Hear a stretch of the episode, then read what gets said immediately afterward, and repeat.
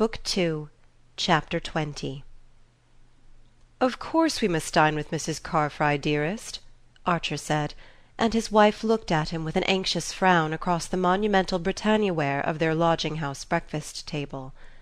In all the rainy desert of autumnal London there were only two people whom the Newland Archers knew, and these two they had sedulously avoided, in conformity with the old New York tradition that it was not "dignified" to force one's self on the notice of one's acquaintances in foreign countries. Mrs. Archer and Janey, in the course of their visits to Europe, had so unflinchingly lived up to this principle, and met the friendly advances of their fellow travellers with an air of such impenetrable reserve, that they had almost achieved the record of never having exchanged a word with a foreigner other than those employed in hotels and railway stations. Their own compatriots, save those previously known or properly accredited, they treated with an even more pronounced disdain so that, unless they ran across a Chivers, a Dagonet or a Mingott, their months abroad were spent in an unbroken tete a tete. But the utmost precautions are sometimes unavailing, and one night at Botzen one of the two English ladies in the room across the passage, whose names, dress and social situation were already intimately known to Janey, had knocked on the door and asked if Mrs. Archer had a bottle of liniment. The other lady, the intruder's sister, Mrs. Carfry, had been seized with a sudden attack of bronchitis, and Mrs. Archer, who never travelled without a complete family pharmacy, was fortunately able to produce the required remedy.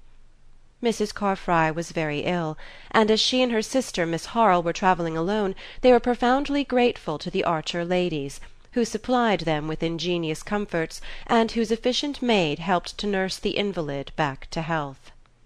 When the Archers left Botzen they had no idea of ever seeing Mrs. Carfry and Mrs. Harle again. Nothing, to Mrs. Archer's mind, would have been more undignified than to force oneself on the notice of a foreigner to whom one had happened to render an accidental service.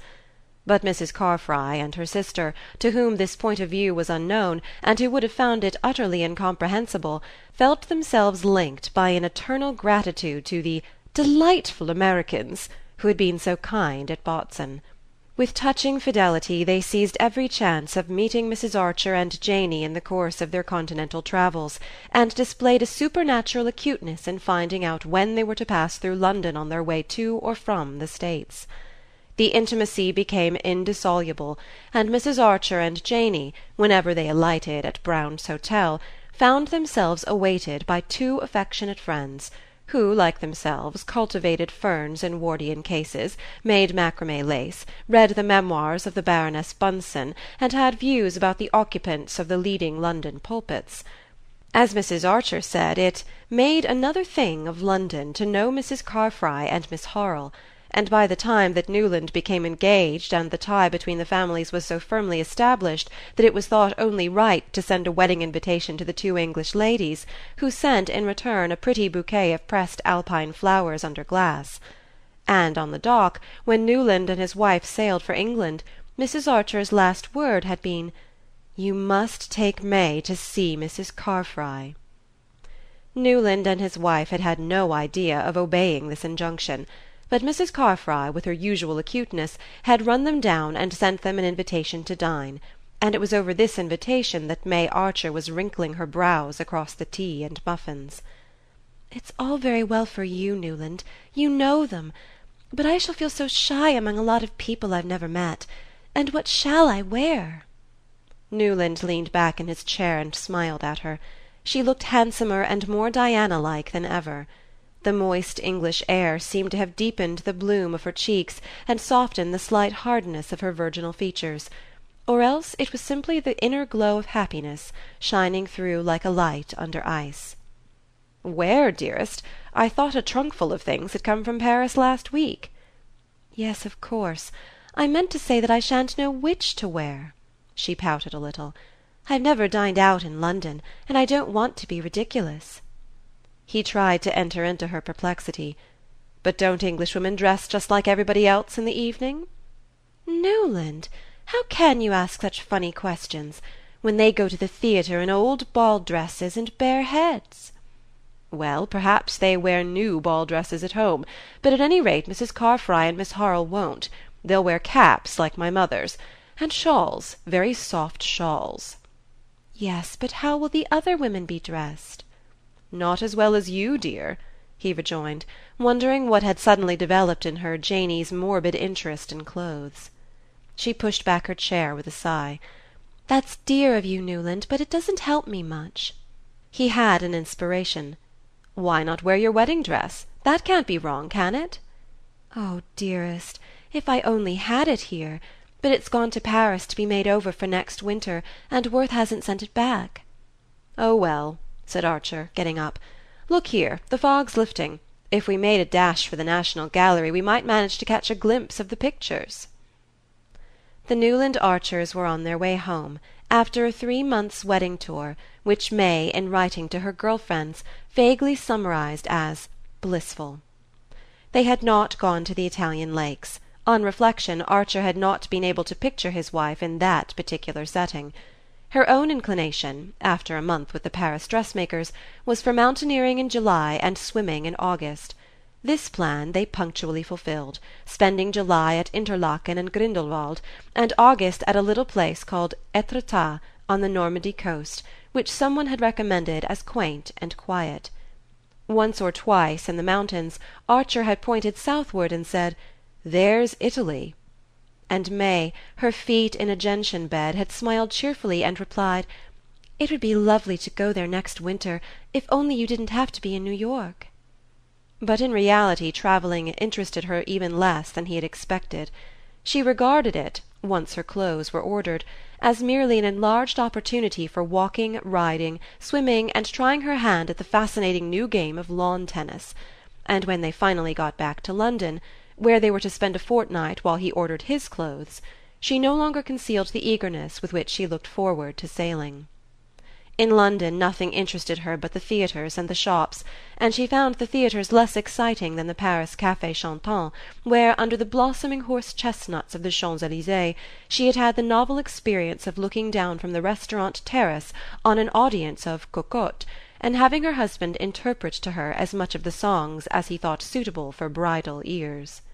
Archer had reverted to all his old inherited ideas about marriage. It was less trouble to conform with the tradition and treat May exactly as all his friends treated their wives than to try to put into practice the theories with which his untrammelled bachelorhood had dallied.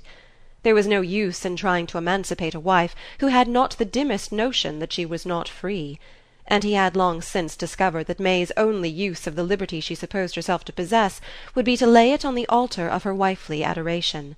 Her innate dignity would always keep her from making the gift abjectly, and a day might even come, as it once had, when she would find strength to take it altogether back if she thought she were doing it for his own good.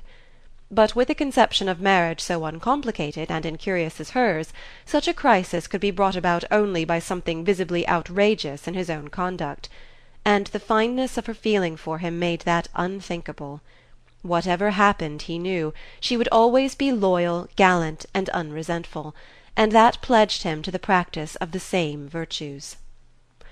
All this tended to draw him back into his old habits of mind. If her simplicity had been the simplicity of pettiness he would have chafed and rebelled; but since the lines of her character, though so few, were on the same fine mould as her face, she became the tutelary divinity of all his old traditions and reverences. Such qualities were scarcely of the kind to enliven foreign travel, though they made her so easy and pleasant a companion; but he saw at once how they would fall into place in their proper setting.